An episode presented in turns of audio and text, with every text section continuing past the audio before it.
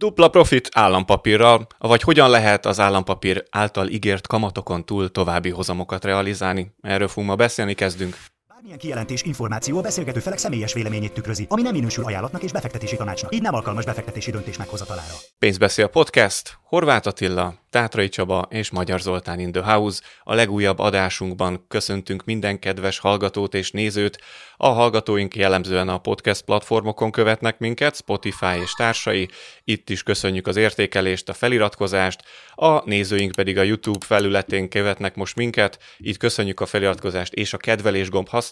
Ezt főleg akkor köszönjük, hogyha úgy érzik a minket követők, hogy értéket teremtük számukra. A mai napon is ennek híven fogunk cselekedni, mégpedig oly módon, hogy az állampapír piaci aktualitásokról fogunk beszélni, Csabi segítségével, aztán pedig Attilával a másodpiac rejtelmeiről beszélünk. Aki még nem ért egy szót se, az maradjon velünk, akik meg igen, azok meg azért. Úgyhogy Csaba, tiéd a szó, mi történt most itt állampapír fronton? Üdvözlöm a kedves hallgatókat! Érdekes piaci környezetben vagyunk, hogyha extrém gazdasági helyzetet nézünk, extrém változások, extrém kamatok, extrém hatások és pénz kifolyások történtek. Ugye a magyar államkincstárból azért több mint 1400 milliárd forint tűnt el 2022-ben, és hát nem mehetünk emellett el szó nélkül, mert 2023 elején ez az első podcast, ami így az állampapírról szól, és azért is érdekes a mai dátum január 19, mert ma bocsátják ki 15,25%-os, illetve 16%-os prémium magyar állampapírt, és hát ugye az államadóságkezelő központ ezzel próbálja próbálja visszacsalogatni a befektetőket az elsőleges piacra, az állampapírok utcájába.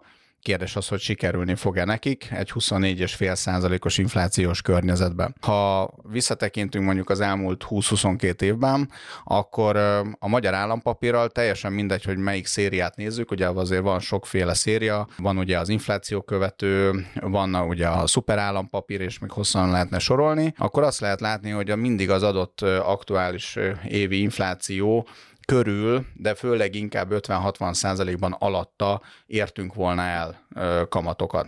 A befektetők azért ezt érzik, még hogyha nem is annyira tudatosan, hogy az inflációval kell elsősorban nekik megküzdeni. Hogyha a befektetők elkezdenek majd szépen kibeugrálni a, az állampapírpiacból, akkor kialakulhat egy ilyen készség, hogy én trédelek állampapírba, holott egyébként egy állampapírnak, egy konzervatív befektetésnek pont az lenne a lényege, hogy tartósan, akár 5 vagy 10 vagy évtizedeken keresztül tartom benne a pénzemet, és néhányszor változtatom. És ha csak az elmúlt négy évet nézzük meg, akkor körülbelül háromszor kellett változtatnom, hogy a legjobb kamatot kapjam, és általában mind a három évben infláció alatti kamatot értem volna el. Tehát felmerül a kérdés, hogy valójában akik elpártoltak Például egyébként ugye 2019. júniusban, amikor a szuper állampapírt kibocsátották, írtózatos örjöngés volt, mindenki kaszát kapát eldobva futott, hogy megvásárolja a 4,95%-os állampapírt, és csak ebből tavaly 4000 milliárd forint távozott ki. Rengeteg. Rengeteg. Rengeteg, és ennek egy része befektetési alapokba ment, látszik, hogy a készpénzállomány nem csappant, sőt, inkább növekedett, és hát nyilván megpróbál majd az államadóságkezelő központ is van arról, van arról valami ábránk, hogy mikor volt képes infláció fölötti teljesítményen az állampapír. Nekem azt tetszik a legjobban, hogy hányszor fordult elő az elmúlt húsz évben, csak azért, hogy még mielőtt a... Esetek felében. Az esetek több mint felében, így van. Így okay. van legfeljebb ilyen akörüli érték volt, vagy ilyen fél százalékkal, egy százalékkal voltunk felette. De még egyszer mondom, tényleg ugrálgatni kellett az állampapírok között. Állampapír spekuláns kis befektetővé kellett válni ahhoz, hogy valaki ezt tényleg így tudja kiaknázni, hogy minden egyes időszakban, minden egyes, mondjuk majdnem a felében tudja infláció fölötti hozamot elérni pedig az állampapír azért nem arra van kitalálva, Abszolút hogy nem. kibeugráljunk, vagy hogyha már valaki egy csinál, akkor legalábbis nem a kisbefektetői mentalitással kellene így hozzáállni. Pedig így most sajnos ebbe kényszerítik bele a befektetőket, azzal ugye folyamatosan változnak az ajánlatok, és hát tényleg azért az embernek rajta kell tartani a szemét, hogyha nem akarja azt, hogy a infláció alatti hozamot érjen el.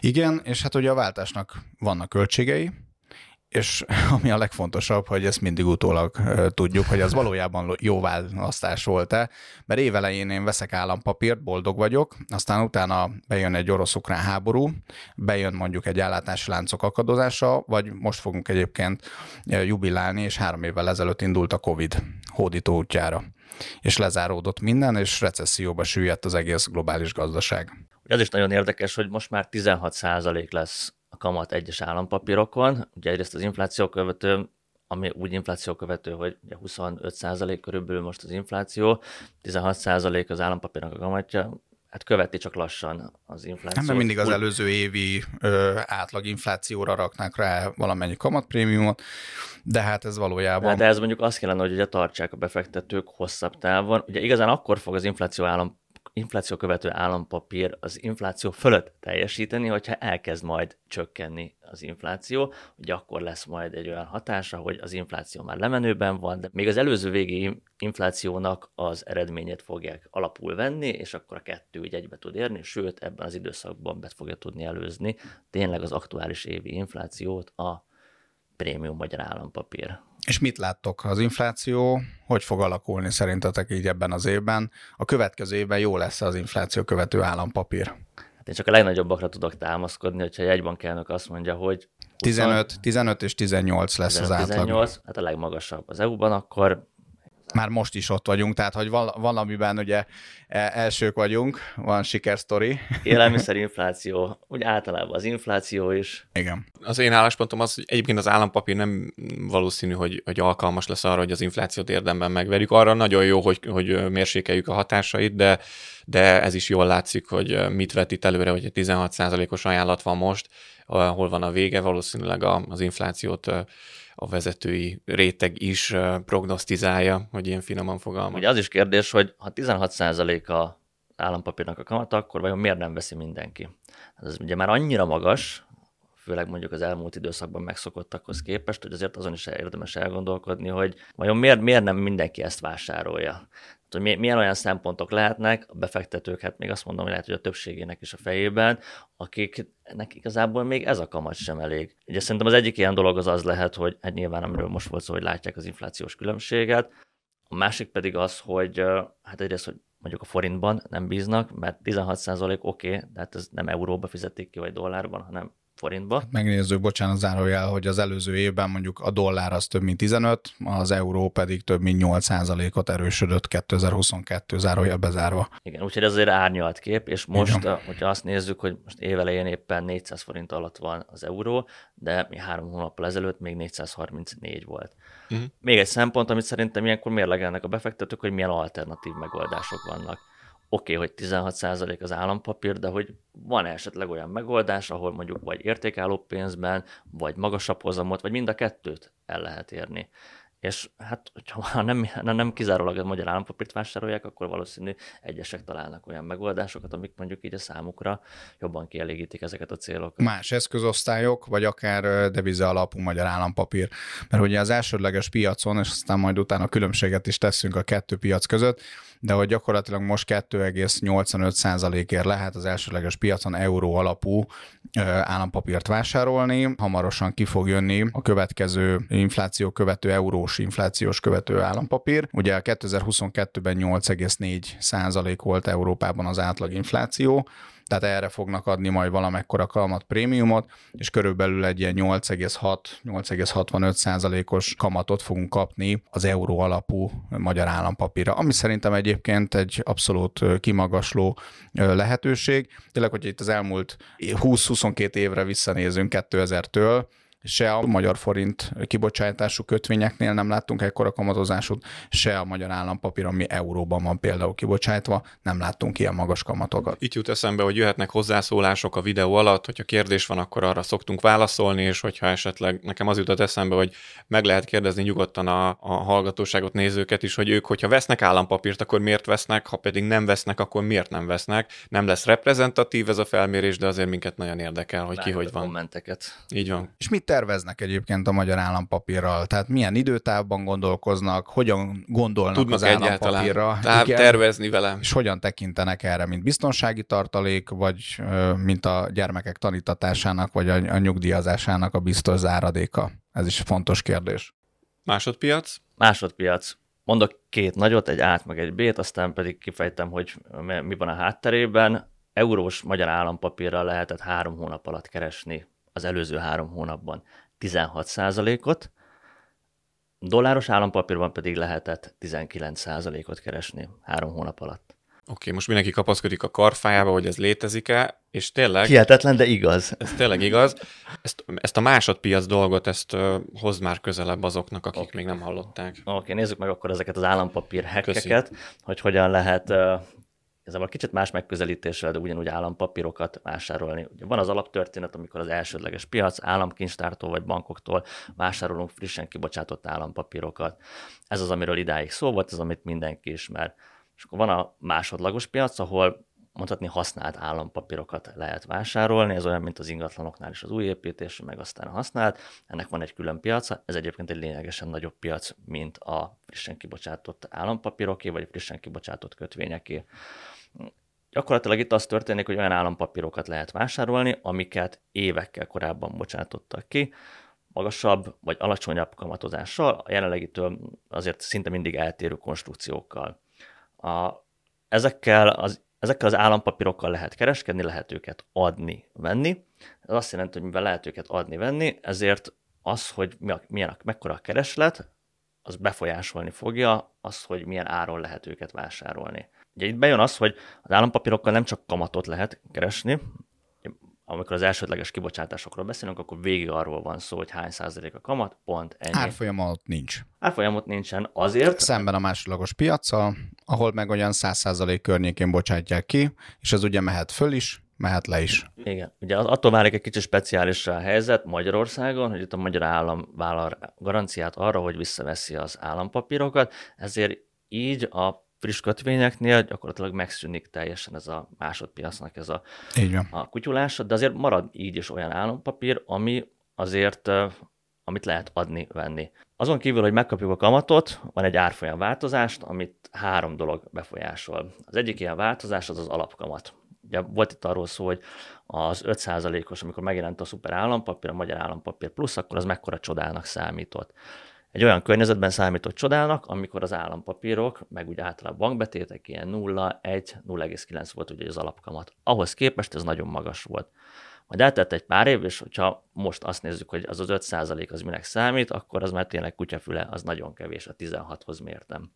Tehát az egyik, ami befolyásolja az árfolyamot, az, hogy milyen más lehetőségek vannak hogyha emelkednek az állampapíroknak a kamatai, akkor az árfolyama a régieknek csökken, illetve ugyanezt történik fordítva is, hogyha elkezdenek csökkenni általában az állampapíroknak a kamatai, akkor a régieknek elkezd nőni az árfolyam, hiszen azok egyre többet fognak érni. Ez az egyik, ami, változ, meg, ami befolyásolja az árfolyamot. A másik, ami befolyásolja, az, az a kibocsátónak a megítélése. Egy magyar állampapírnál a Magyarországnak a megítélése.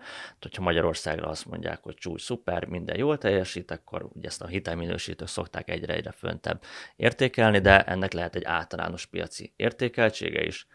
A, hogyha ez a helyzet mondjuk változik, és mondjuk Magyarországra inkább kockázatként tekintenek, akkor pedig kevés, inkább eladják az állampapírokat, emiatt esnek az árfolyamok.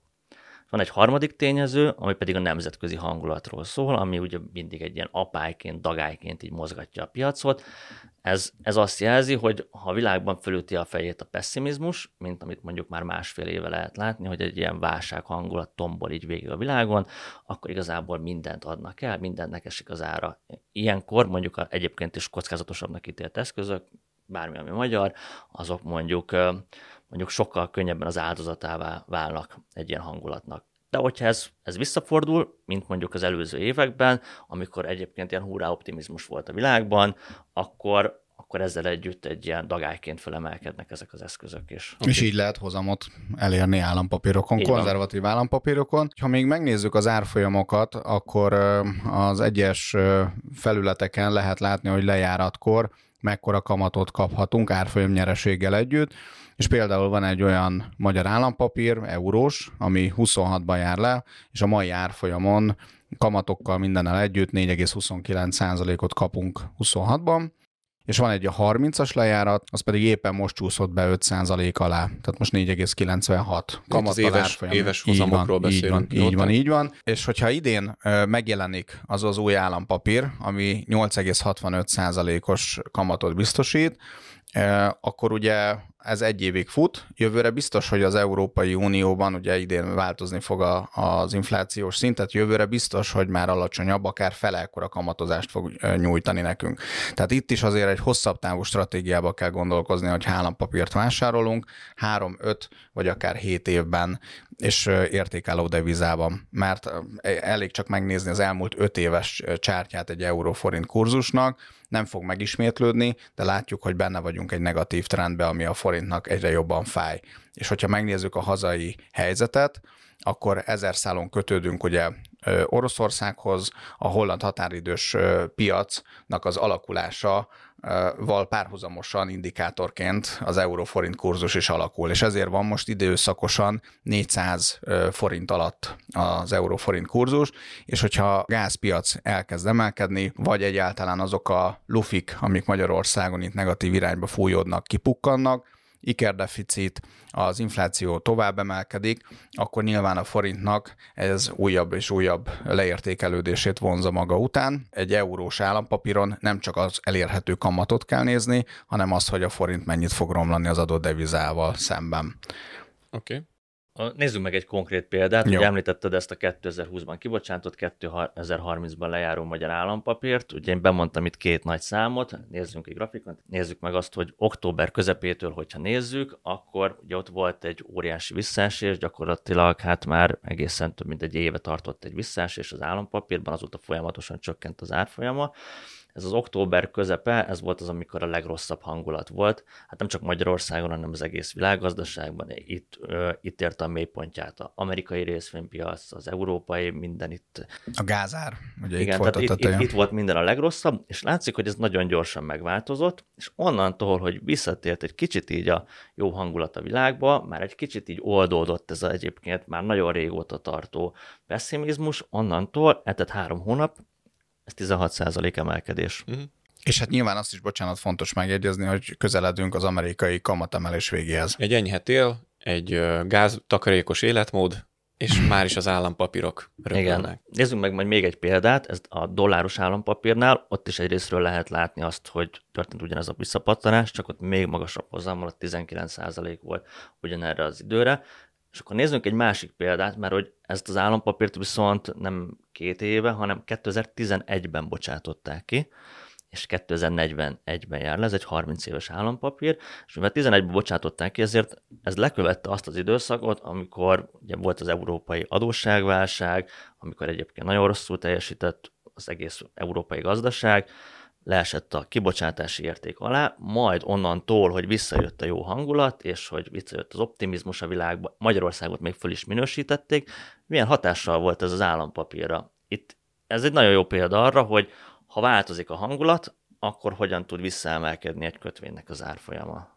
Igen, tehát az adott környezetben válhat vonzóvá ez a korábban kibocsátott papír, meg, meg kevésbé vonzóvá, és ott van 12 körül az európai adósságválság, és utána pedig 180 százalékig is emelkedett az árfolyama. Igen, úgyhogy mondjuk 85-ről ment föl, és ez megtörtént 5 év alatt. Igen, erről beszéltünk, ez a dupla profit. Igen, ez a dupla profit. Ez a dupla profit.